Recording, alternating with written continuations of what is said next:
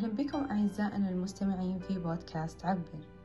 معكم محدثتكم ريوف أبو حامد.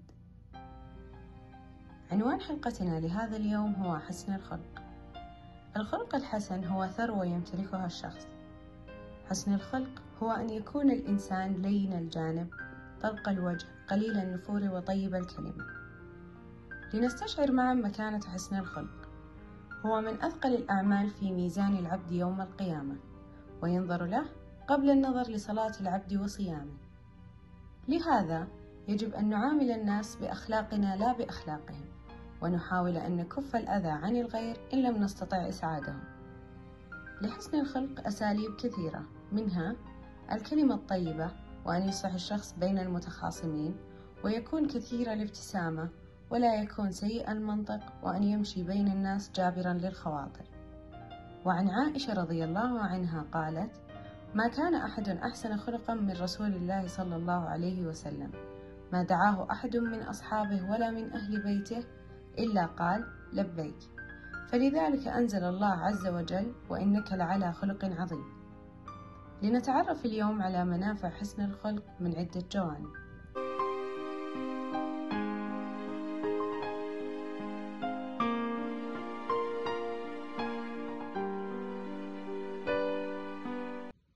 في جانب حياتنا اليومية إيش يضرنا لو جملنا أخلاقنا بكلمة طيبة أو بفعل طيب؟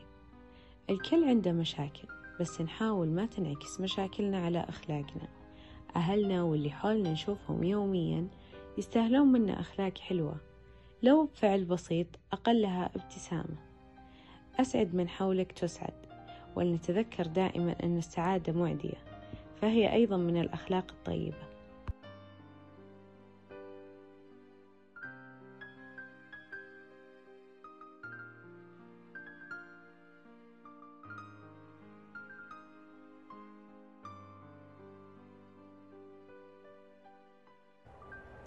أهلا. أنا سمر وبتكلم عن حسن الخلق من الجانب الاجتماعي. آه الخلق أبرز ما يراه الإنسان ويستطيع الحكم فيه ونستطيع إدراكه من سائر أعمال الإسلام. فالإنسان لا يستطيع رؤية العقيدة لأن مكانها القلب ولا يستطيع رؤية العبادة لكن باستطاعة رؤية الأخلاق. يحكم الإنسان على الآخر من خلال أخلاقه. لذلك يحدثنا التاريخ عن حضارات أسلمت من خلال الحكم على أخلاق الدعاة لا دعواهم. عندما يكون الإنسان صاحب خلق حسن ووجه بشوش يدخل الراحة والطمأنينة لقلوب الأشخاص الذين حوله لأنه يعتبر شخص أمين وصادق ولديه مبادئ وتعتبر الأخلاق منهجا مسؤولا عن إقامة مجتمع يمتلك الصفات المثالية حيث يصبح مجتمعا قويا متماسكا ومستقرا ويتحقق ذلك من خلال معرفة الحقوق والواجبات التي تنظم حياة الأفراد وتهذب سلوكهم وهو ما يجعل الحياة الاجتماعية سليمة.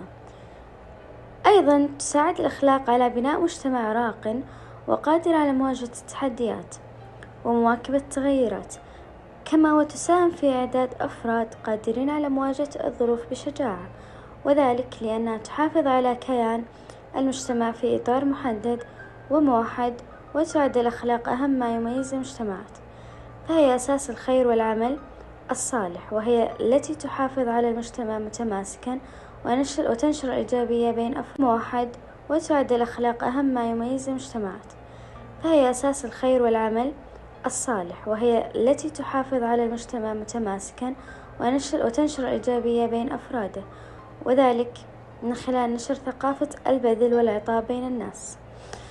وأيضا الأخلاق تجعل من الفرد نموذجا وقدوة للآخرين في المجتمع. الأمر الذي يكسب محبة الآخرين واحترامهم فيكثر عدد أصدقائه ويقل أعدائه ويصبح وجهه بشوشا باسما والأخلاق من أهم أسباب صلاح الأفراد. فهي تنمي مبادئ الخير والسلام وتسهم في نبذ الفرقة والتعصب وكل ما يمكن أن يضر بالمجتمع ويسبب الخلاف بين أفراده. وإن الفطرة الإنسانية قائمة بشكل أساسي على مفاهيم حسن الخلق فالأخلاق تعمل على تنقية النفس البشرية من كل ما هو سيء وبذلك تسمو معاني الرقي وتنشر السعادة بين أفراد المجتمع. كلما كان الإنسان ذا خلق ذا خلق حسن وصاحب مبادئ كان الناس يحبونه ويكون هو آه، الوجهة الأولى لكل الناس من أخلاقه الحسنة ويكون أحيانا هو الحاكم أيضا بينهم يعني. وبس. لأن زي ما قلنا الأصدقاء تكثر الأخلاق الحسنة تكثر الأصدقاء من حولنا وبذلك نكسب محبة الجميع.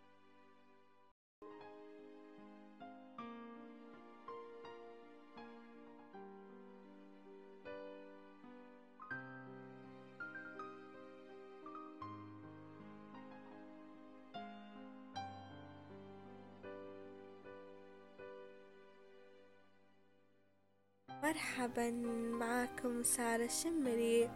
نعرف نحن كمسلمين أن نهتم كثيرا بحسن الخلق.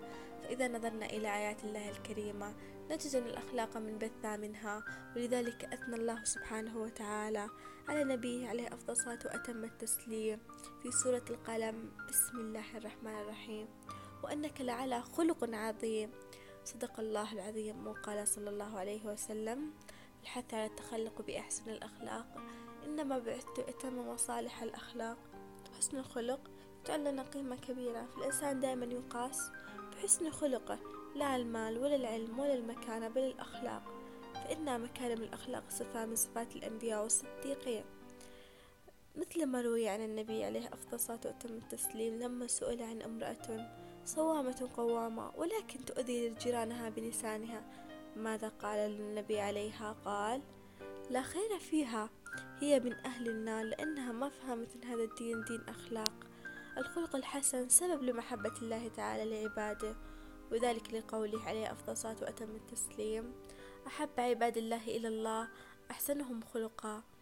يعني ما تشوف منه لا شتم ولا سب ولا قذف. تشوفها من أول لا تحبه. إذا ما ينفعك ما يضرك. أخلاقه طيبة.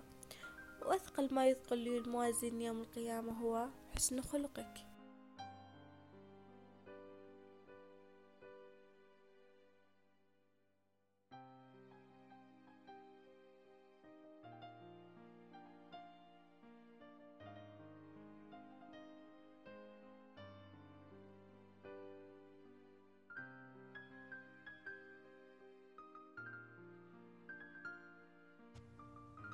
وصلنا لختام حلقتنا لليوم.